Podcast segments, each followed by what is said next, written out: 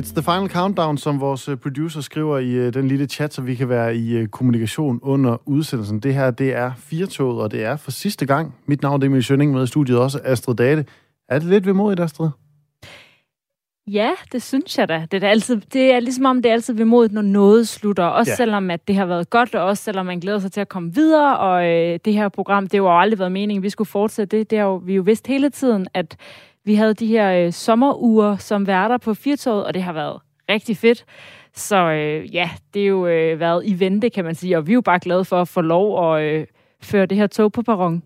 Og øh, jamen, vi har jo forsøgt at undgå at øh, sladre alt for meget om, hvad der øh, kommer i øh, næste uge. Det øh, kan vi selvfølgelig løfte sløret for i dag. Men nu det, så skal vi faktisk også tale om sladder. Vi skal øh, også tale om, øh, jamen, back by popular demand, så skal vi have styr på, hvad en supervulkan er. Vi havde øh, ham, vi kalder Vulkanhenning, som er øh, vulkanekspert med for et par uger siden, og øh, ja, folket, de vil have mere vulkannyt, og øh, jamen, det skal I få, og hvis vi skulle nå det, jamen, så skulle det jo være i dag.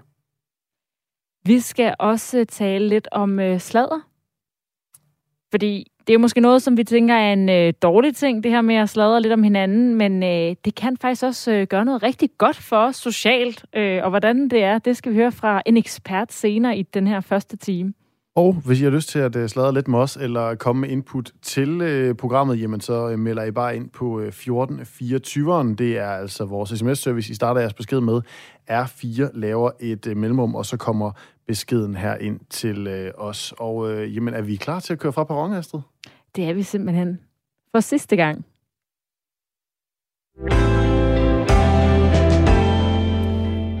Onsdag aften der endte den øh, 10 uger lange strække for øh, sygeplejerskerne. Regeringen de har grebet ind i konflikten, og sygeplejerskerne får øh, prakket den aftale på sig, som to tredjedel af dem havde stemt nej til før strækken. Det blev et, øh, ja, et kende, hvad hedder det, ikke et kendetegn, det blev et, øh, det fik vi bekræftet i dag. Det bestemte igennem i Folketinget. Og spørgsmålet er jo så nu her, man står tilbage med, hvad så nu øh, møder sygeplejerskerne tilbage på job med den samme arbejdsindstilling som øh, inden strækken? Det skal vi høre mere om her fra Lav Bille, sygeplejerske og udskrivningskoordinator i Københavns Kommune. Velkommen til.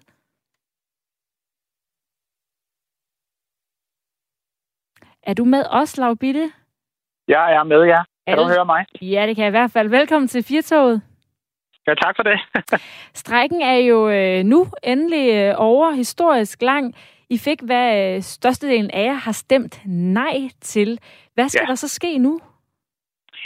Øhm, det er jeg jo spændt på at se, øh, hvordan reaktionen er. Jeg har været sammen med en masse kollegaer. Jeg var faktisk også inde øh, foran Christiansborg i dag, øh, da, øh, da, da lovforslaget blev stemt igennem. Øh, og det jeg jo tydeligt kunne se, det var, at der var en, en voldsom øh, reaktion fra, fra, fra øh, mine sygeplejekollegaer. De var, de var meget skuffede, og de var kede af det. Øh, og, og jeg tror, det er den tilstand, som, som er ret tydelig i øjeblikket i forhold til, at, at øh, der er en rimelig stor afmatning i, i, i forhold til det her. Øh, jeg tror i bund og grund, det handler rigtig, rigtig meget om, at, at, øh, at, at, at vi har jo gået igennem en meget lang periode nu her, hvor at, øh, at, at øh, vi har talt meget omkring den der øh, lige løn og, og, og chancen for at, at kunne gøre noget ved det, den, den var der måske nu. Og så tror jeg også, at, at, øh, at det, der i virkeligheden er sket, det er, at, at ovenpå, det er ikke covid-19, der ligesom har været afgørende for det, men jeg tror, det er måske det, der har været dråben, der har fået folk til at reagere, fordi man har udvist en enorm fleksibilitet øh, og en enorm arbejdsvilje over for arbejdsgiverne i, øh, i den her meget lange periode.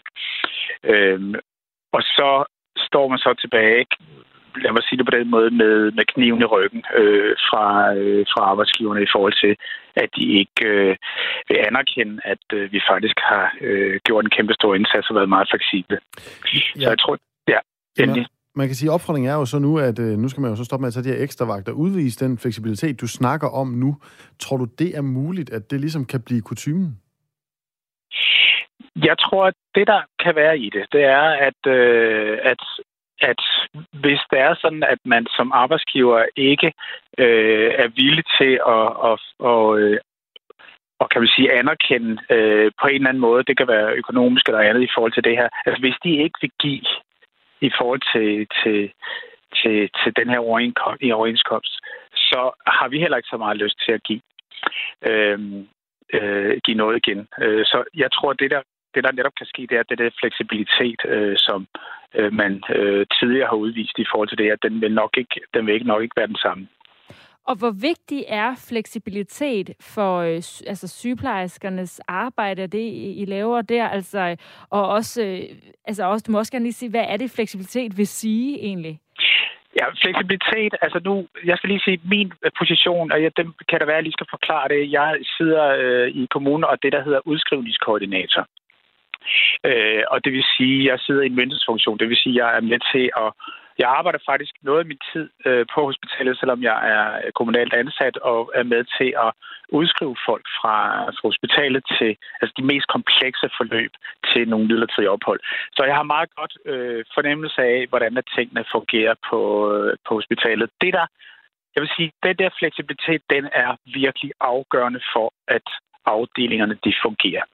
Det handler jo om, at der mangler personale. Det er faktisk sådan, at øh, at vi kan ikke, og nu snakker jeg Region Hovedstaden, vi kan ikke besætte hver anden stilling, der bliver slået op. Det vil sige, der mangler personale.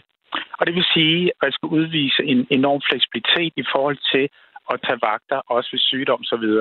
Øh, og, og jeg vil sige det på den måde, at, at sygeplejersker er, er ryggraden for, at vores øh, sundhedsvæsen det, øh, det fungerer, og fleksibiliteten er afgørende for, at øh, det overhovedet fungerer. Så hvis vi ikke på samme måde er villige til at øh, lægge den arbejdsindsats, som vi tidligere har gjort, lægge den fleksibilitet, så vil det øh, komme til at kunne mærkes.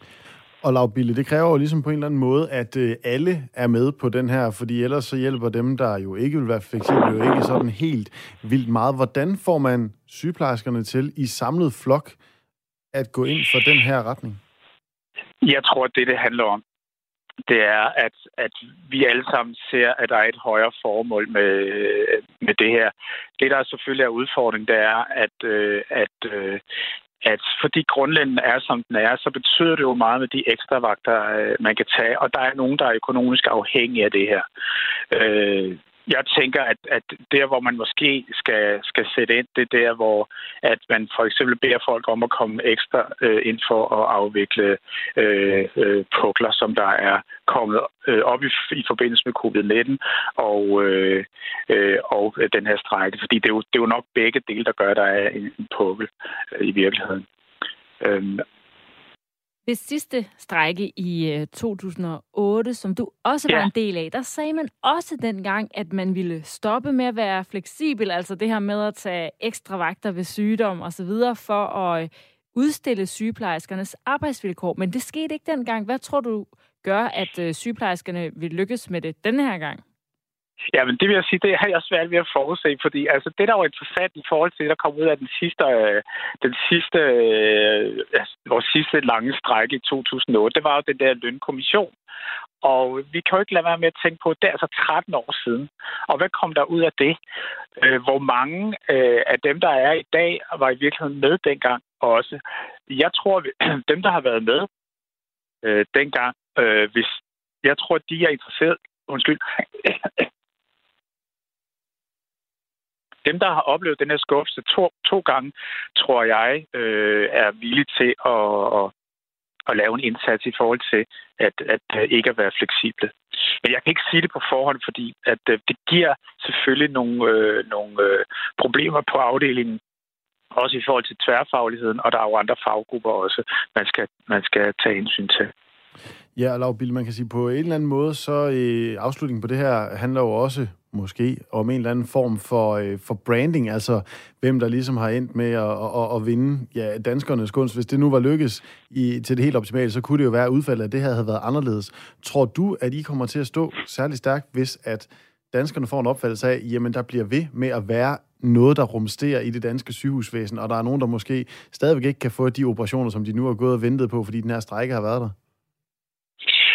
Jeg håber på, at det, der kommer til at ske nu, det er, at, øh, at vi øh, får øh, sat fokus på, at, at der er en kæmpe stor udfordring i forhold til øh, dels vores arbejdsforhold og vores løn, vores rekrutteringsproblematikker. Øh, jeg, jeg jeg synes, det er ret vigtigt, at det er der, at vi skal have fokus. Jeg, fokus skal altså også være på, at der er nogle arbejdsgivere, som ikke har taget det her alvorligt, og det her, det er meget alvorligt, det der sker lige nu. Det bliver sværere at rekruttere folk. Jeg tror, det der er vigtigt, er at få fortalt den rigtige historie, og der vil jeg mene, der er det utrolig vigtigt, at, øh, at vi har pressen med os. Pressen har af en eller anden mærkelig årsag ikke været med os i den her sag, øh, selvom der har været alt mulig god grund til at gribe fat i, øh, i det her, både i forhold til vores øh, velfærdssystem, men også i, vores, i forhold til, til vores MeToo og kønskamp, der også foregår i øjeblikket i øjeblikket. Så jeg håber, at, øh, at, øh, at pressen vil også vil tage den til sig, fordi øh, de, øh, de har været afgørende for, at det her det er, det er gået, øh, som det er gået. Plus, at vi har altså også nogle arbejdsgiver, som, øh, som har holdt tallene tæt øh, til sig øh, i forhold til, hvor presset de har været på hospitalet. Man kan sige, det er, jo, det er jo selvfølgelig en helt grundlæggende debat, hvad pressens rolle er i, øh, i det her, og der tror jeg, der ser vi sikkert øh, lidt uh, forskelligt på det, Lav Bille. Men til sidst, det samarbejde, der nu skal ud og være ude på uh, hospitalerne, har det lidt under den her strække, altså det, som man skal have med, med læger og alle de andre, der arbejder ude på hospitalerne, som ikke er arbejdsgiver? Øh, det kan jeg ikke sige på forhånd. Øh, og det, og det håber jeg, jeg kan kun håbe på, at det ikke har haft nogen indflydelse på det. Fordi jeg tænker også rigtig meget på, at det her det er i virkeligheden en, en fælles kamp, vi har for vores øh, fremtidige sundhedssystem. Øh, I det hele taget vores velfærdssystem. Så jeg håber i virkeligheden på, at man kan samles omkring det her.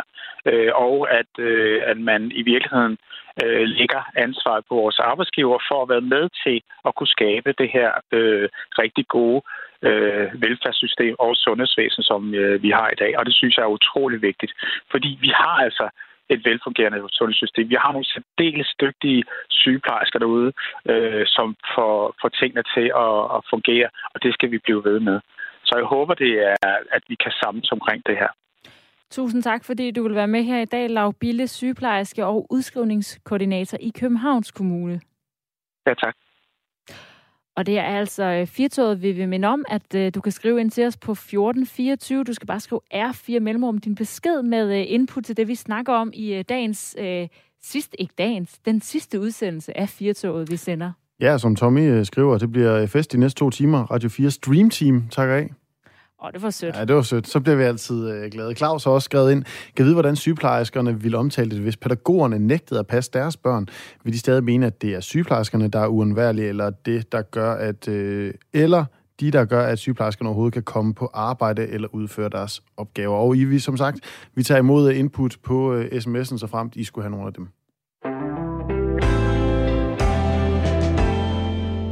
Jeg ved ikke, om du har ventet spændt på den her afgørelse, Emil Schønning, men øh, årets landsby 2021 er blevet kåret. Og øh, vinderen, det er byen Stjær i Skanderborg Kommune. Det er 25. gang, at prisen den bliver uddelt, og kriteriet for at vinde, det skifter lidt fra år til år. I år, der var overskriften nytænkende landsbyer, der har formået at omsætte coronakrisen til positive muligheder. Og øh, jamen, det har I jo så gjort, øh, Peter Persson. Velkommen til. Tak for det. Du er med i øh, borgerforeningen i Stjær. Før vi skal høre, øh, hvorfor I, I vand, vil du ikke så fortælle os, øh, hvad er det bedste ved at bo i Stjær? Jamen det bedste ved at bo i Stjær, det er jo, at vi har rigtig meget natur omkring os, og øh, så er det også blevet en levende landsby, hvor der er masser af ildsjæle, der brænder for, for alle de aktiviteter, der bliver sat i gang. Og nu var øh, overskriften jo nytænkende landsbyer, der har formået at omsætte coronakrisen til positive muligheder. Hvad er det, I har formået at omsætte af positive muligheder fra coronakrisen? Jamen altså helt konkret, så, så havde vi jo et problem, fordi vi havde nogle projekter, vi lige havde skudt i gang, og de blev jo stoppet af corona-nedlukningen. Og så gik vi simpelthen i gang med at tænke over, hvad kan vi så gøre øh, alternativt? Og der lavede vi så en hel masse øh, foredrag øh, øh ved online, og øh, fik øh, folk informeret om det, vi gerne vil fortælle dem om øh, på den måde. Og så lavede vi øh, online bankospil, og det lokale cykelklub lavede også, øh, hvad hedder det, det virtuelle klubhus. Så vi, øh, vi bredte os ud på online i stedet for det, som vi plejer at gøre. Så det var jo øh, rigtig fint og nogle gode øh, erfaringer, vi gjorde på det område. Ja, der er jo mange, der har øh, oplevet den her øh, online alternativ øh, tilgang til øh, fredagsbar og socialt samvær og sådan noget under det her år med coronakrisen. Hvorfor tror du, at øh, jeres øh, har fungeret særlig godt? Jamen altså, i visse tilfælde, der havde vi jo nogle muligheder for at, at, at have et, et bestemt antal folk med inde i vores forsamlingshus. Og der var der et tidspunkt, hvor vi havde 50 inde. Det var det, vi måtte være, og vi fulgte selvfølgelig af restriktionerne osv. Men uh, så livestreamede vi ved siden af, og det, som det har betydet for os, det var, at vi fandt ud af, okay, vi kan, vi kan spille på to heste her. Vi kan simpelthen nå ud til mange flere ved at livestreame. Og, og så kan vi stadigvæk køre vores normale aktiviteter i forsamlingshuset. Og, og det er jo bare sådan noget nyt, vi, vi kan tage med os. En ting, som vi har fået under det her coronaforløb øh, positivt i fremtiden. Og øh, Peter Persson, når jeg hører øh, årets landsby, så tænker jeg sådan lidt øh, Barnaby og noget med nogle flotte roser og nogle borgerforeninger, der på en eller anden måde kæmper om hinanden, og så ender det selvfølgelig så altid med et mor. Det håber vi ikke, det gør hos jer. Hvor meget har det her fyldt i, i landsbyen i år? Jamen, det var fyldt øh, fantastisk meget, og, og da vi havde komiteen ude, der ligesom skulle se, hvad er det, vi kan i Stjær, der kom, kom jo stort set alt ned til at kunne ske på en dag. Øh, de forskellige aktiviteter fik vi lagt sådan, at øh, komiteen kunne gå fra den ene aktivitet til det ene projekt og til det andet projekt. Og, og der blev jeg da klar over, at hold, hold nu helt op, det er jo helt vildt, hvad vi har lavet øh, det, senere, det seneste stykke tid. Altså, det var sådan helt, man blev sådan helt rørt af det. Og hvad, hvad så, når I øh, vinder? Hvad betyder det for jer? Ja, men det er jo, det er jo lidt svært at vide. Øh, altså, lige nu der sidder, sidder mange, ved jeg, med et enormt energiboost, altså, hvor man tænker, okay, vi skal bare videre fremad. Vi har en masse projekter, vi gerne vil køre ud over rampen. Øh, og, men, men så er der også den der med, at vi mærker lidt efter, hvad okay, vi skal også lige, øh, vi skal også lige huske at, at, lige at stoppe op og så lige tænke over, hvad er det i grunden, vi er gang i? Altså, vi skal lige mærke os selv. Og så skal vi jo have den her stolthed, den skal vi jo simpelthen have placeret øh, hos os selv, så det ikke øh, stiger os til hovedet, at vi, øh, at vi også er realistiske i de fremtidige projekter, fordi at det har været et fantastisk år. Det må vi jo kende. Hvad mener du med, at I også skal huske lige at finde ud af, hvordan I selv er i det her? Jamen, vi, en, en ting, det er, det er jo sådan den personlige del af det. Det andet, det er, at vi skal have hele landsbyen med. Vi føler egentlig, at vi har, vi har rigtig bred opbakning i byen, men, men vi vil jo gerne brede den helt 100% ud selvom det nok er lidt svært at, at, at få alle med. Men altså, vi vil rigtig gerne have så mange som muligt med på det her tog. Fordi det er fællesskabet, der, der ligesom gør, at vi kan flytte så meget, som vi gør. Altså, det, det, er, det, er, simpelthen, det er simpelthen vigtigt at have, have så mange som muligt med i så mange mulige projekter, vi kan, kan drive fremad. Og øh, jeg tror, der var mange, der oplevede det her med, at fællesskaber måske, øh, jeg tror i Danmark, det er jo et stort foreningsland, der er vi nok meget bevidst om det i forvejen, men fik måske en anden respekt for det her med at have nogle fællesskaber, da de lige pludselig blev øh, revet væk fra os øh, sidste år. Hvad er det, et fællesskab i sådan en lille by, jeg er sådan lige i omegnen af, af 1000 mennesker i, øh, i Stjær. Hvad er det, det kan? Jamen, øh, jeg vil hellere vende over og sige, hvad er det, det ikke kan. Altså, det er, lige nu der har vi følelsen af, at vi, vi kan næsten alt. Det er bare et spørgsmål om at få sat det i system og, og få det kommunikeret ud til folk, så, så kan vi faktisk øh, rigtig meget. Vi er meget, meget glade for, at vores, øh, vores grønne handleplaner, som jo er et af vores øh, fyrtårne i, i, i det hele det her, den her sammenhæng, at, at den er at komiteen blevet øh, omtalt som om, at det er en ting, man kan kopiere til andre, land, andre landsbyer. Det er vi super glade for, fordi det er det, vi gerne vil. Vi skal jo i gang med den her klimaomstilling, øh, så hvis der er nogen, der kan, kan bruge det, så er det bare fedt. Og hvad er det, der skal til for at skabe det her, øh, det der med, hvis man sidder derude og tænker, jeg bor også i en øh, lille landsby, og det lyder fedt med hele det her lokale fællesskab og sådan noget. Hvad tænker du, der er det vigtigste for at drive sådan et, øh, et fællesskab, hvor man godt gider løfte projekter i flok i en landsby?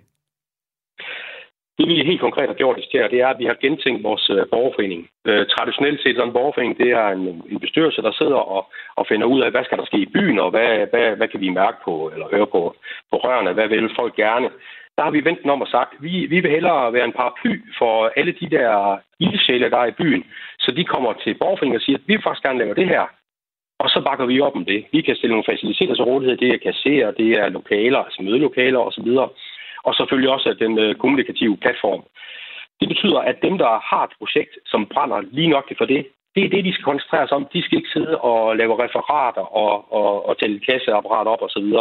De kan simpelthen bare køre fuld gas af. Og det, det tænker jeg, det er det, er det, der har fået mange til at føle, at øh, vi, vi, vi, kan faktisk, vi kan faktisk lave lige nok det, det, vi gerne vil, og det, vi brænder for. Og I har altså jo nu i år vundet øh, titlen som Årets Landsby 2021. Men hvad er ligesom øh, formålet med alle de her projekter og samarbejde? Altså, Er det at skabe det her gode landsbysamfund, som vi selvfølgelig også får gjort? Er der også nogle mål om, at øh, altså, vil I gerne være større? Vil I gerne have flere flytter til Stjær? Er der også noget øh, branding med i det at gøre på byen populær? Altså nu, nu øh, har vi jo lavet sådan et slogan, som det er kommet lidt frem sådan lidt ved tilfælde, der vi kalder os selv for Stjær Jyllands Hjerte. Det går vi rundt og griner lidt af, og, men vi mener det faktisk med, at vi har hjertet på det rigtige sted.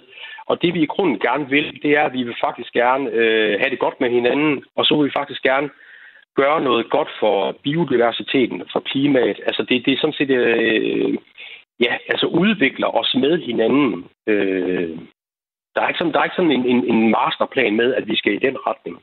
Øh, men altså, vi, vi tager de ting, der ligger i tiden, tager det op. Altså eksempelvis klima, som vi har beskæftiget os rigtig meget med. Øh, den, den vil vi gerne øh, blive klogere på, og så bruge hinanden til ligesom at, at komme, komme længere frem, altså frem med det, og i de projekter. Og øh, det er jo selvfølgelig en stor ære at blive årets øh, landsby 2021. Er I allerede i gang med øh, snekerarbejdet til sådan et kæmpestort, næsten Hollywood-agtigt skilt, I kan have stående i, i stjær og ligesom annoncere, at det her det er goddammit, hvad hedder det, årets landsby 2021? Det er faktisk sjovt, du siger det, fordi at, øh, det var sådan en ting, jeg tænkte over, da vi øh, vandt prisen her. Det var, at øh, vi har sgu ikke nogen øh, byportal. Og vi har jo uh, ualmindeligt uh, mange uh, indgang til, eller, indkaldsveje til byen. Jeg tror, vi har en 6-7 stykker eller sådan noget. Og jeg synes da, at det var da det næste projekt, vi skulle have gang i. Det var da at få lavet en byportal, hvor der står ser Jyllands Hjerte. Og måske årets landsby 2021 nedenunder. Det kunne vi godt, ja.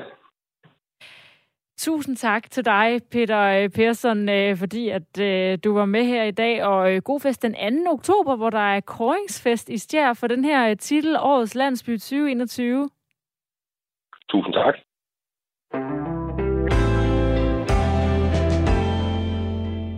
Og så nåede jeg at gå helt i panik, fordi at jeg i et øjeblik troede, at det var mig, der havde lavet dagens hovedperson, og jeg havde glemt min computer og skulle til at løbe ud af studiet. Men det er det jo ikke.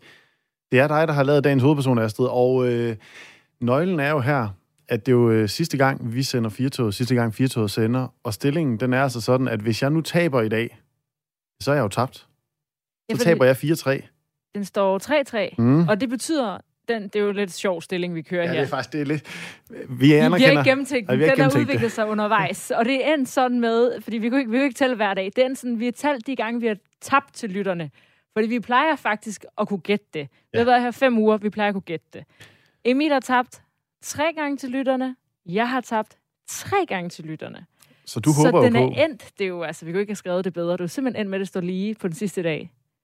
Så jeg håber jo rigtig, rigtig meget på, at de vakse lyttere, jer derude, I sidder klar med telefonen, skriver til 1424, R2 mellemrum, den person, I tror er dagens hovedperson i dag. Det er altså en, der har været i nyhedsbilledet i dag. Og jeg kommer med en række tips, og så er det bare om at skyde lys, øh, inden Emil han gætter, hvem det er. Og øh, sms'en, den virker. Vi kan lige få en verificering af, at øh, Stjær er et skønt sted. Ja. Øh, Alexander skriver, jeg bor ikke i Stjær, men forsøgte at få konen med derhen. Det er så idyllisk at køre ind i byen med rapsmarker hele vejen rundt. Håber, jeg kan bo der i fremtiden. Det var en meget fin anmeldelse. Ja, det kan det være, at han, kan, han har det argument, nu det er blevet årets landsby. Ja, der bliver vi nødt til at Det er bo. en objektiv vurdering nu. Nå, altså, dagens hovedperson. Jeg kan mærke, at jeg er lidt nervøs. Ja, det kan godt forstå, og jeg håber, at der sidder nogle vakse lytter og øh, er med på den her øh, quiz. Første tip, det er, at dagens hovedperson tilbage i 2011 fik øh, udgivet en bog om sig. Er det Morten Messersmith, som der altid kommer et bud på? Ja. Er det det? Ja, fanden. Hvad? Ja. jeg havde forberedt 10 hits. Men du havde gættet på det uanset hvad, kan jeg godt høre. Nej, det gjorde jeg egentlig bare for at bruge det som sådan en segue hen til at øh, sige, at øh, når I lytter, I kan jo øh, skrive ind. Ej, Ej, det var en dårlig quiz. Nej, det var det faktisk. Jeg har virkelig brugt lang tid på den. Jeg har fundet alle mulige sjove fakta om ham. Nå, men kan han så har, ikke få nogle gode fakta? Han har et pænt stort køkken med to vaske, to køleskaber, fire ovne. Drømmen. Det gad jeg også godt have. Han ville gerne have lavet en bog med menuer til de 20 vigtigste operaer. Men ja. den, den blev ikke, øh, forlagene købte ikke. Nå. Han drømte om at blive operasanger. Ja. Han har gået på Sankt Anne Gymnasium, ligesom mig, ja. i musisk gymnasium Nå. i København. Vi har haft den samme lærer i latin, Eva Toft. Legendarisk. Ja. Underviser. Fa- faktisk, inden du kommer med de sidste gode ledetråde, altså det her er jo en rekord i at gætte dagens hovedperson, hvilket jo faktisk næsten må gættede... betyde, at jeg så vinder. Jamen, du, nej, for du, du gættede det jo bare for at sige, nå, det vi altid gætter. Ja, Det er også Men ærgerligt. hvorfor er han så dagens hovedperson? Det ved du godt.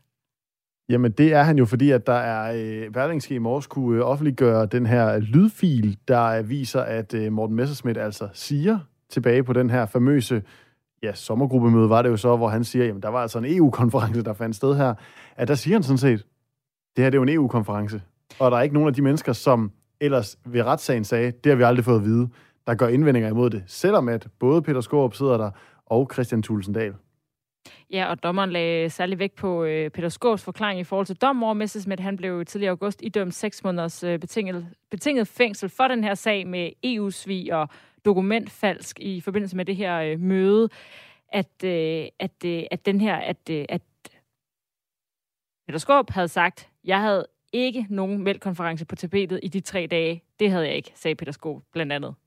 Ja, og øh, det er jo så det, den her øh, lydfil på en eller anden måde øh, slår tvivl om. Det er en sag, som øh, jeg vil ønske, vi kunne sige, at vi fulgte i firetoget fremadrettet, men det gør vi ikke, fordi vi kommer ikke igen. Nej. Men øh, det ved jeg, at de gør her på øh, kanalen. Men altså... Men han har fyldt så meget Morten Messersmith, uden at være dagens hovedperson, så ja. det var... Men jeg er ked af, at du ikke lige gav lytterne mulighed for det. Ja, jamen øh, beklager derude. Jeg håber, I får en nogenlunde ordentlig weekend alligevel.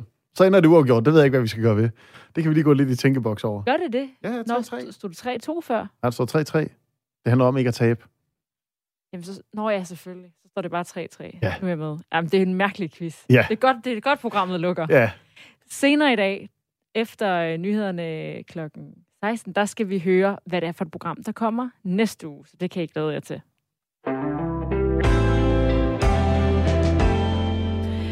Og vi har jo ikke røbet noget om, hvad det er for et program, men øh, det er der jo nogen, der godt kan lide sådan noget med at fortælle, åh, har du hørt, og det her med at sladre, er det noget, du gør der i, Emil? Jeg vil jo helst sige nej.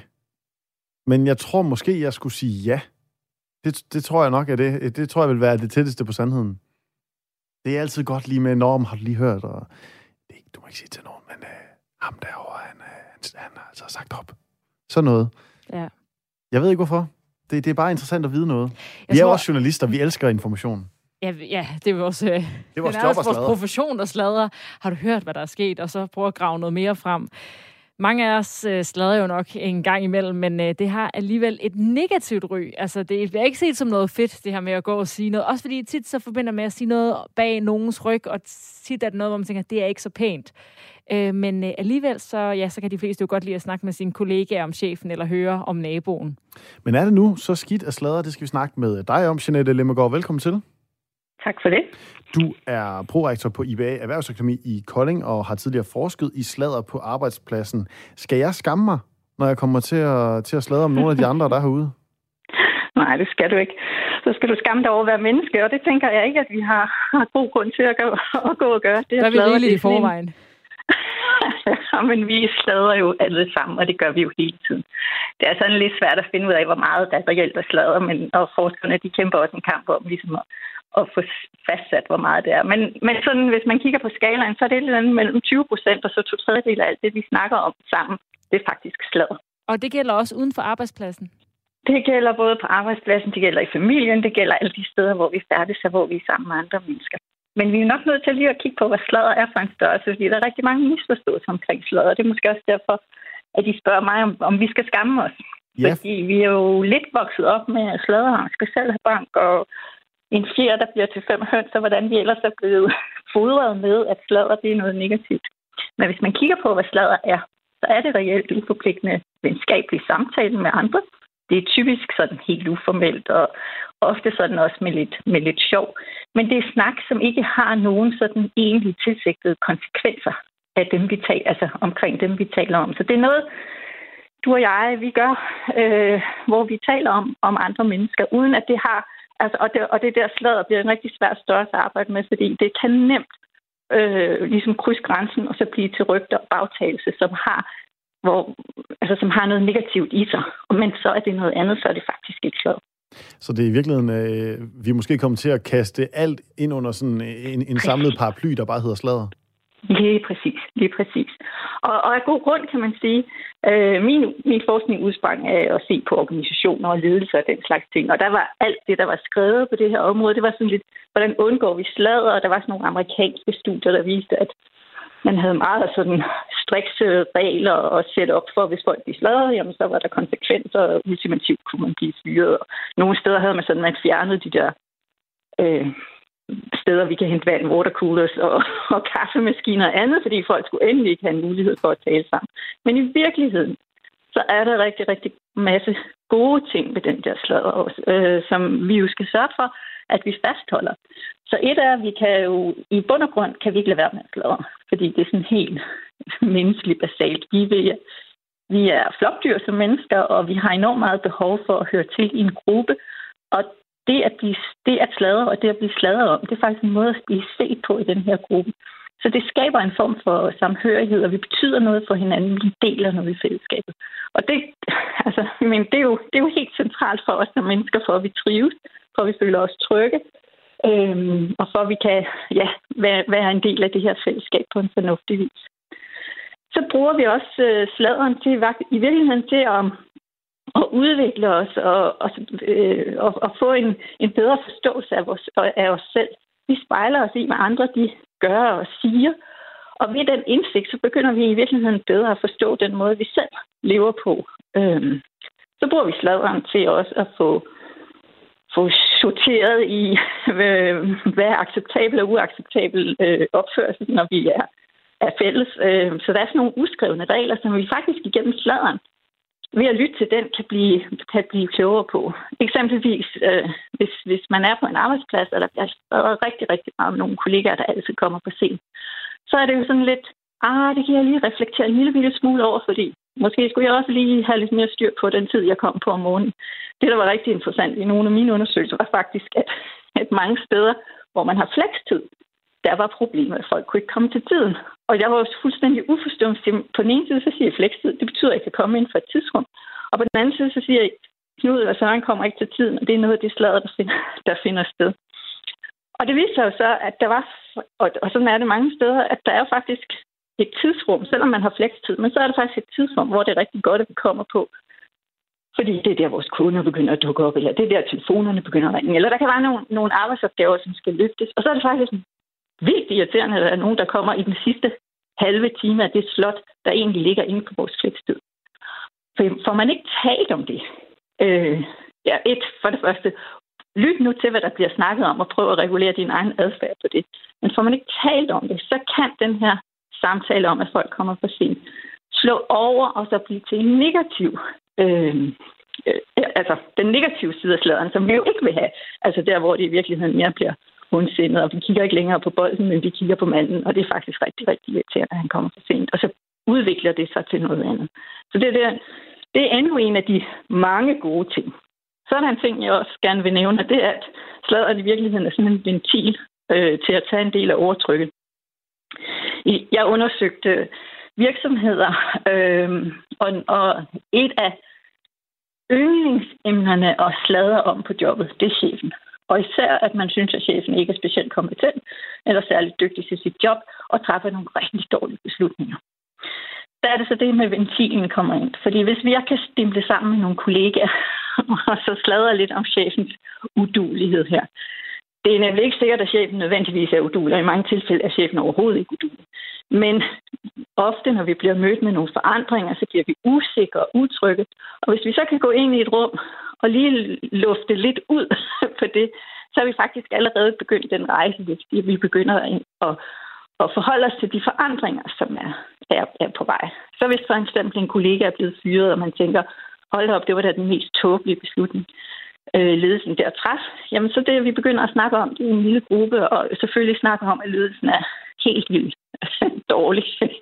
så er vi faktisk ved at og, og vende os til, ja, okay, nu ser verden sådan ud, vi, begynder, vi får en ny kollega, eller vi får ingen ny kollega, hvis man vil nedskæringer, og, og så videre, og så videre. Og... Så top øh, temaet i virksomheden, det er lederen. Så har man taget en ledelsesposition, så må man også vende sig til, at der bliver slaget om en. Ja, og, og Jeanette Lemmergaard, du er prorektor på IBA Erhvervsakademi i Kolding. ja. Hvordan er det så at vide med den baggrund, du har, at så folk går og slader om dig hele tiden så? Jamen, det ved man jo, de gør. og sådan er det jo, kan man sige.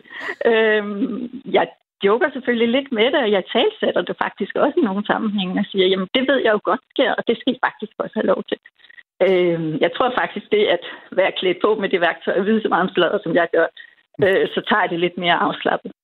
Det var svært for mig en gang imellem at få virksomheder til at ville deltage i det her, og jeg fandt hurtigt ud af, Sladeren var jo ikke det eneste, der interesserede mig. Det, der interesserede mig i min forskning, var, hvordan skaber vi et godt arbejdsmiljø.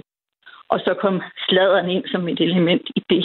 Øh, og der kan man sige, da jeg startede Grøn og Naiv lidt øh, som, som forskerspiger på, på, på det her område, så tænker jeg, jamen selvfølgelig det er sladeren, jeg interesserer mig for, så jeg ringer til nogle virksomheder og spørger, om jeg må undersøge sladeren i deres virksomhed. Og der var der rigtig mange ledere, der sagde, nej, altså, jo, det må du godt, men vi har jo selvfølgelig ikke sladder, der er hos os. Og hvis der er sladder, så, så slår vi jo ned på det. Så det var slet ikke en måde, jeg kunne sælge mit budskab. Jeg kunne sagtens sælge mit budskab, så må jeg gerne komme ind og undersøge, hvordan jeres arbejdsmiljø ser ud, og hjælpe jer med, om, om, om vi kan styrke det og gøre det bedre. Så det var sådan en, der er altså sådan en opfattelse af, at sladder det er noget, der enten ikke eksisterer, eller vi hører ikke efter. Jeg synes jo som leder, man skal lytte meget til sladeren også, hvis man ellers kan kan have tilliden i organisationen til at høre sladeren. Slader Fordi... er, jeg tænker, at Jeanette Slader er jo et meget negativt lavet ord i virkeligheden. ja. Burde vi i virkeligheden få et helt nyt ord for det at tale om andre mennesker i en sammenhæng, hvor at vedkommende ikke er til stede? Ja, det kan man jo godt sige. Øh, det er egentlig et meget godt forslag. Jeg tænker bare, at vi skal... Altså, vi har en mission om i virkeligheden også at se på de positive sider af sladeren, i stedet for øh, partout og, og kaste os over i egentlig med rygter og bagtagelser og, og, altså, og, og lægge det nethed ned over øh, forståelsen af slaget. Men det er, altså, igen, som jeg sagde til, til start, det er i virkeligheden rigtig, rigtig svært, ikke? fordi vi er opdraget til, også igennem, jamen, sladerhang skal selv have bank, og fra skolegården, ikke? Altså, det ligger så grundlæggende i vores, vores forståelse af, af ordet. Og derfor er det jo, man kan sige, Øh, det er jo et interessant øh, fænomen. Nu var jeg lige inde her for at forberede mig lidt til, til vores snak i dag, for at se, hvad den seneste forskning egentlig er på området. Og hver gang der er nogen, der skriver om slader, så skriver de også, at det er simpelthen et uundersøgt område. Øh, mærkeligt nok, jo kan man sige, når det er sådan en central del af, af vores, øh, vores samtale i virkeligheden. Jeg vil jo også fået dig med, som jo faktisk er tidligere forsker i slader, og nu prorektor på IBA Erhvervsakademi i Kolding. Vi øh, når simpelthen ikke mere her, Jeanette. Tusind tak, fordi du var med og fortælle ja. om øh, alle de positive ting ved slaget, og at vi faktisk ikke rigtig skal skamme os over det. Ja, velbekomme.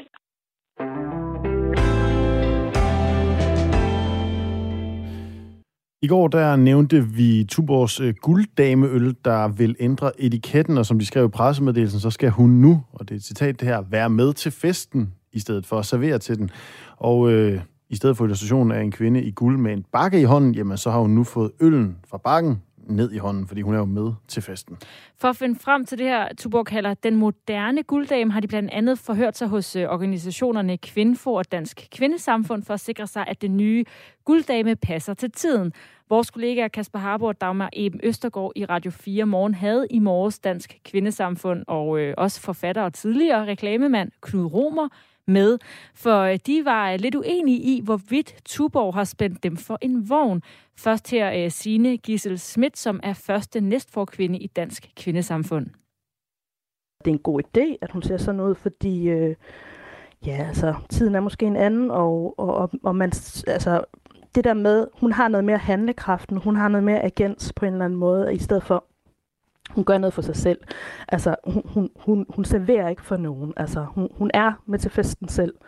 Øh, og det synes jeg egentlig, det øh, ligger godt i tråd med, hvordan, hvordan at øh, måske tiden er, og, og sådan med, øh, hvordan køn, øh, hvordan man måske repræsenterer, skal repræsentere køn, okay. eller kvinder, måske, mm. tænker jeg. Så jeg synes egentlig, det, det, det er super fint, altså. Vi siger også lige godmorgen til dig, Knud Romer. Godmorgen. Forfatter og tidligere reklamemand. Er, er tiden kommet til, at gulddamen hun skal være med til festen i stedet for at servere? Ja, jeg synes, Tuber er genial. Ikke? Nu har de jo ligesom indforskrevet den organisation, som kunne finde på at kritisere dem. Lidt ligesom når Philip Morris laver deres sidste reklame af, anti, af, af, af rygestop-kampagner, eller McDonald's laver sådan folder om ernæringsrigtig føde, og så kan man jo så få, hvad hedder det, øh, kvindesamfundet til at tale sin sag. Men sagen er jo den, at, at alkohol er alkohol, og nikotin er nikotin, og man er normalt differentieret mellem ens produkter, blandt andet ved at seksualisere dem. Ikke? I gamle dage, ikke, der var det jo, altså gulddamen, hun serverer jo sig selv på, som flaske, som en øl. Ikke? Altså hun kan købes, og hun kan indtages. Det er stadigvæk en, en kvinde, som kan købes og indtages. Nu samtykker hun bare til at blive købt og indtaget. Men øllen er stadigvæk identificeret med en kvinde, der kan købes og indtages. Og Tuborg er jo lidt sådan på forkant med sig selv, ligesom når man prøver at gøre en lille blodplet ren, så bliver den bare større og større. Og når først man går ind på den her kønspolitiske tankegang, så holder det ikke op. Så det, så det ændrer så, ikke så, rigtig noget, det her, eller hvad, Knud Romer? Ikke overhovedet, ikke. Altså, man sagde altid, at natten er sort, sort som guld, og der kan man få i driftslivet, det er rusmidler, som bliver seksualiseret, og seksualobjektet, genstanden for natten, der er sort som guld, ja, det er gulddamen, som man skal ud og score.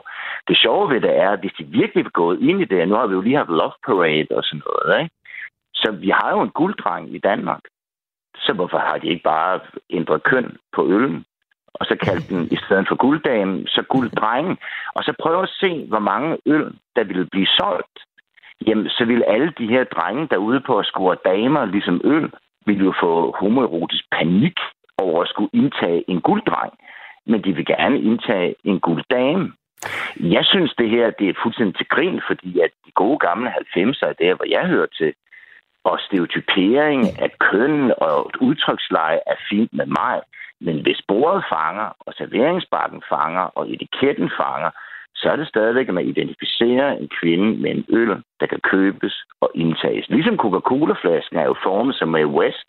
Mm. Det er også en kvindekrop. Lad os lige, øh, du, må jeg lige riste den op, Knud Romer, ja. den historiske øh, klangbund, som det her foregår på, fordi den kom jo i 1995 og blev blandt andet markedsført med en biografreklame med en sensuelt dansende gulddame til lyden af langsom jazz og et slogan, der hed Tag mig efter filmen. Øhm, silhuetten er jo et baseret på en skuespillerinde, der hedder Annette Strøberg, som i 1950'erne blev berømt som Tuborgs guldpige i nogle reklamer. Så det, det er sådan, der er, er længere dato det her. Signe øh, Gissel Schmidt fra øh, Dansk Kvindesamfund. Nu bliver det jo nærmest sagt, at I bliver spændt for en vogn her. Hvad siger okay. du til det? Ja, øh, altså, øh, det, ja, det lyder lidt voldsomt, altså, kan man sige.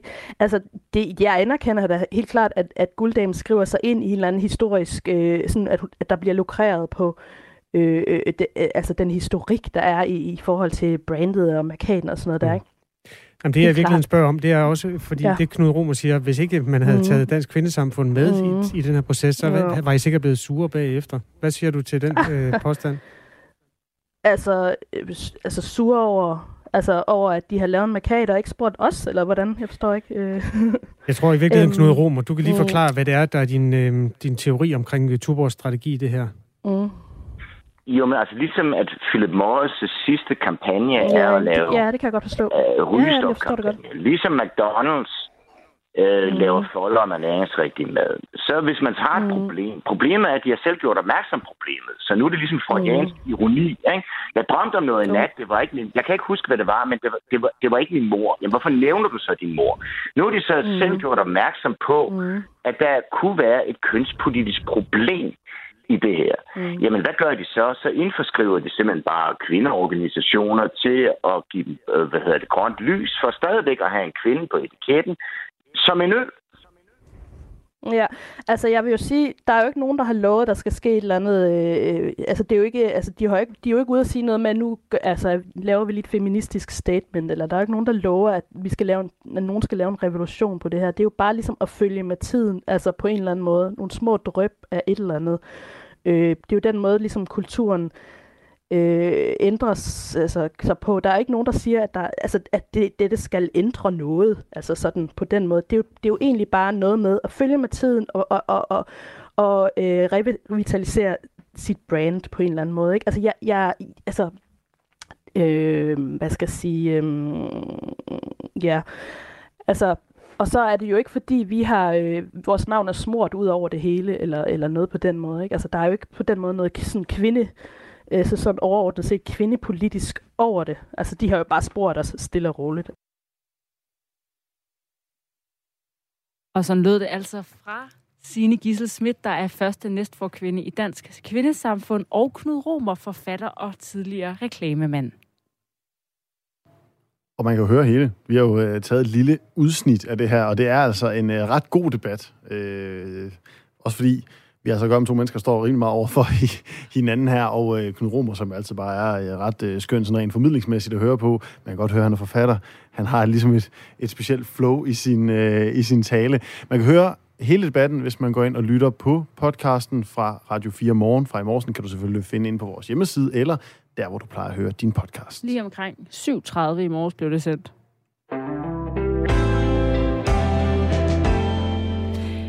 Det er jo vores øh, sidste dag på Firtoget, og derfor vil vi jo gerne sørge for at gå ud med et brag. Og øh, jamen, hvordan skulle man ellers skulle gøre det, end ved at snakke om supervulkaner? Og øh, efter at øh, vi snakker om vulkaner sidst, jamen der har I lytter og gerne vil have øh, vulkaneksperten og ven af huset, har jeg næsten lyst til at sige, Henning Andersen med igen. Henning, velkommen til dig. Tak skal du have. Og øh, jamen, øh, vi nåede jo ikke øh, lytterspørgsmålet om, hvad en supervulkan var sidste gang, og jeg ved jo, du øh, ved øh, stort set alt, hvad der er at vide om øh, vulkaner, og øh, nu snakker vi om en almindelig vulkan. Jeg tror nok, det var Etna sidste gang. Hvad ja. er forskellen på Etna og så de her supervulkaner? At forskellen på Etna og en almindelig vulkan og så en supervulkan ligger i, at en supervulkan er langt, langt, langt øh, øh større og har langt mere energi, end en almindelig vulkan har. En almindelig vulkan i det udbrud udspyrer som regel fra omkring 50 og 20 kubikkilometer materiale i et enkelt udbrud, mens en supervulkan, den øh, vurderes til at udspyge mindst 1000 kubikkilometer materiale i et enkelt udbrud. Det er forskellen. Simpelthen. Øh, og navnet supervulkan, ja, hvor stammer det fra? Det er faktisk noget, en journalist i en udsendelse på BBC første gang kaldte den voldsomste form for vulkanvirksomhed på vores jordklode, nemlig et superudbrud. Men i virkeligheden så er det det, vi kalder for et, eller bør kalde for et megakolossalt udbrud. Altså kort og godt et udbrud, der er simpelthen så ekstremt voldsomt, sådan således at det vil påvirke hele vores jordklode rent klimamæssigt set, og også øh, betingelserne for, at livet på jordkloden øh, i hvert fald bliver påvirket meget hårdt af det. Og hvor har vi sådan nogle øh, supervulkaner henne i verden? Ja, øh, de ligger faktisk øh, mange forskellige steder. Ja, det lyder nok så dramatisk at sige mange. Men altså, officielt så har vi cirka fire. Den ene, det er Yellowstone, som ligger over i Amerika. Den anden, det er Toba, der ligger på Sumatra i Indonesien, øen Sumatra øh, i Indonesien. Og den tredje, det er nede på øh, New Zealand, Øh, nordøen af New Zealand. Og så ligger der også en øh, i Europa faktisk, øh, øh, lige i nærheden af Napoli, omkring øh, Vesuv. Altså ikke, Vesuv er ikke en supervulkan, den er, selvom den er meget voldsom i sin udbrudsrytme. Men vest for Napoli, øh, og der skete sidste gang et ikke så voldsomt som det sidste store udbrud for 74.000 år siden på øh, Sumatra, men den, det havde et ekstremt voldsomt udbrud i for 39.000 år siden, har man beregnet det.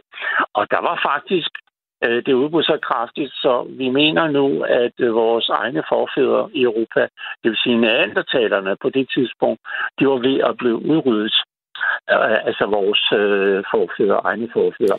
Men det stærkeste superudbrud, som vi har oplevet inden for de sidste flere hundrede tusind år, siden det fandt sted på Sumatra i Indonesien, og det var for 74.000 år siden.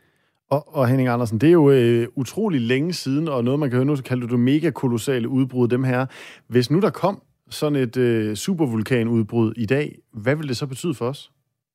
Ja, det vil betyde for os, at vi skal ændre vores måde at leve på, øh, fordi det vil gå ud over os, selvom udbruddet sker for eksempel på Sumatra i Indonesien eller Yellowstone i Amerika, så vil det påvirke os øh, klimamæssigt set på den måde at forstå, at øh, klimaet det vil simpelthen automatisk blive ændret ved, at solens stråler for øh, vanskeligere ved at opvarme øh, jordens overflade. Det vil sige, at klimaet bliver ændret, det bliver koldere og koldere, og temperaturen falder måske op i 8, øh, med op til 8-10 grader, og det gør, at vi får isvinter året rundt, så skal vi til at gå med vinterfakker på, også i juni, juli og august måned øh, i Europa og i Danmark og mange steder på jordkloden på grund af, af klimaændringerne. Og det andet, der vil ske, det er, at dyrelivet og naturen, det vil sige planterne i naturen, vil blive dels, øh, delvis ødelagt på grund af syreregn, øh, fordi der er jo svoldioxidgasser i, i sådan et vulkanerbrud. Det er der også i almindelige vulkanerbrud, men ikke i, i så stor en mængdevis som i et superudbrud. Så det betyder, at vi mennesker, vi bliver påvirket rent levemæssigt set på den måde. Og hvis øh, de rigtige, øh, endnu stærkere forhold, altså udbrud, bliver mere og mere voldsomt, det kommer an på, hvor stærkt det bliver energimæssigt set, øh, så øh, kan vi altså risikere, at alle kommunikationsmidler, de bryder sammen, knækker sammen osv. Det er for at tage det værst tænkelige scenarie vi lever faktisk på øh, øh, noget af, fra naturens stærkeste kræfter, kan man sige. Det er sket før, og det vil ske igen på et eller andet tidspunkt. Men som det ser ud lige nu, så er der altså ikke nogen truende fare for et superudbrud øh, skal true os. Altså man regner med, at Yellowstone for eksempel over i Amerika, som sidst var i et superudbrud for ca. 640.000 år siden, Måske at det udtaler Yellowstones øh, vulkanobservatoren Jack Levenstein, der er Stein, der er øh, chef over, at øh, det vil ske, altså følger man vulkanens rytme og mængden af den magma, det vil sige glødende smeltet stenmasse, der samles op under vulkanen, altså under jordens overflade, så vil der nok gå en 10.000 år endnu, før at øh, det materiale inde i vulkanen, det er ubestygtigt. Og det betyder altså, at så kommer det ud i form af, af vulkanske udbrudsprodukter, aske og lava osv., som bliver spydet i sådan et udbrud. Men de der superudbrud, de var som regel ikke så længe, øh, måske fra 14 dage til 3 uger, øh, så er alt materialet kommet ud i et, superudbrud. Almindelige vulkanudbrud, de slynger jo materiale ud i, i langt mindre grad, kan man sige, men dog øh, øh, i stor mængde og nok til at kan påvirke klimaet, om ikke andet så i mindre øh, grad, for eksempel. Hvis, hvis Henning, hvis nu der kom sådan et supervulkanudbrud, nu lyder det som om, du siger, det kommer igen, men, men det lyder ikke som om, det er sådan lige om hjørnet, men, men hvis det var der, kan man gøre noget, bare lige her kort til sidst, kan man gøre Nej, noget for at forhindre du, det? Du, du er nødt til at acceptere og leve på naturens præmisser. Vi mennesker, hvis vi tror, vi kan overvinde naturen, så taber vi øh, over for naturens kræfter. Naturens kræfter er stærkere end vi mennesker. Vi kan nok erobre et landområde, naturligt landområde, men vi kan ikke føre krig mod naturen. Nu kan vi se, hvordan det går med vores klimaændring lige i øjeblikket. Men hvis vi taler, når vi taler om supervulkaner, så kan vi kun forholde os til det vi øh, i hvert fald, man har lavet ligesom en, en, en, en, en beregning på, at cirka en, øh, i hvert fald øh, en fjerdedel af jordens befolkning, dem der bor nærmest supervulkan, de vil selvfølgelig være udsat øh, mest. Men jeg kan fortælle, og det tør jeg godt lægge hovedet på blokken på, at hvis øh, Yellowstone i Amerika går i udbrud øh, i det, der hedder et superudbrud, med så ekstrem energi, som den har gjort tre gange inden for øh, den sidste, de sidste to millioner år. Og øh, det sidste, det var altså for 640.000 år siden for Yellowstones vedkommende. Men der var vi mennesker øh, jo ikke her, heldigvis. Hvis det sker, så er øh, vi i Nordamerika være færdige på øh, cirka to uger. Altså, al form for kommunikation vil være øh, brudt sammen, knækket sammen. Og så er der kun én ting, øh, de mennesker, der overlever det, de kan gøre ved at forsvinde i en fars. Øh, altså væk fra det nordamerikanske kontinent. Det er altså betingelserne for, hvis der kommer det, der hedder et superudbrud. Ved du hvad, Henning Andersen, det bliver on den happy note, at vi siger tusind tak vores, som øh, vores trofaste vulkanekspert for at være med endnu en gang og gøre os øh, klogere på de her vulkaner. Ja, ja, ja, jeg øh, håber, at I var tilfredse, og folk synes om at få lidt op om det her. Det er jeg helt sikker på, Henning. Kan du have en rigtig god weekend? Ja, tak i lige måde. Ja, tak. Og I skriver jo øh, bare ind, øh, hvad I synes, fordi vi er her jo øh, en time endnu, så øh, nu blev det jo lidt, øh, lidt dystert og, ja, og dommedagsagtigt det hele. Men øh, vi har heldigvis en time mere, inden øh, Firtoget takker helt af. Jeg kan lige nå at få med, at øh, Danmark har fået sin første medalje ved de paralympiske lege i Tokyo. Det bliver den 21-årige dressurrytter Tobias Thorning Jørgensen, der vinder guld i den individuelle konkurrence i dressur. Så tillykke til ham, og tillykke til Danmark. Den første PL-medalje. Peter Rosmar, han er jo også sikret en medalje, men han jo. spiller Ja, han øh, spiller semifinal og finale i morgen. Nu tager vi lige nogle nyheder. Ja, vi har lige taget et hul på dem, men øh, her kommer de klokken, den er 16.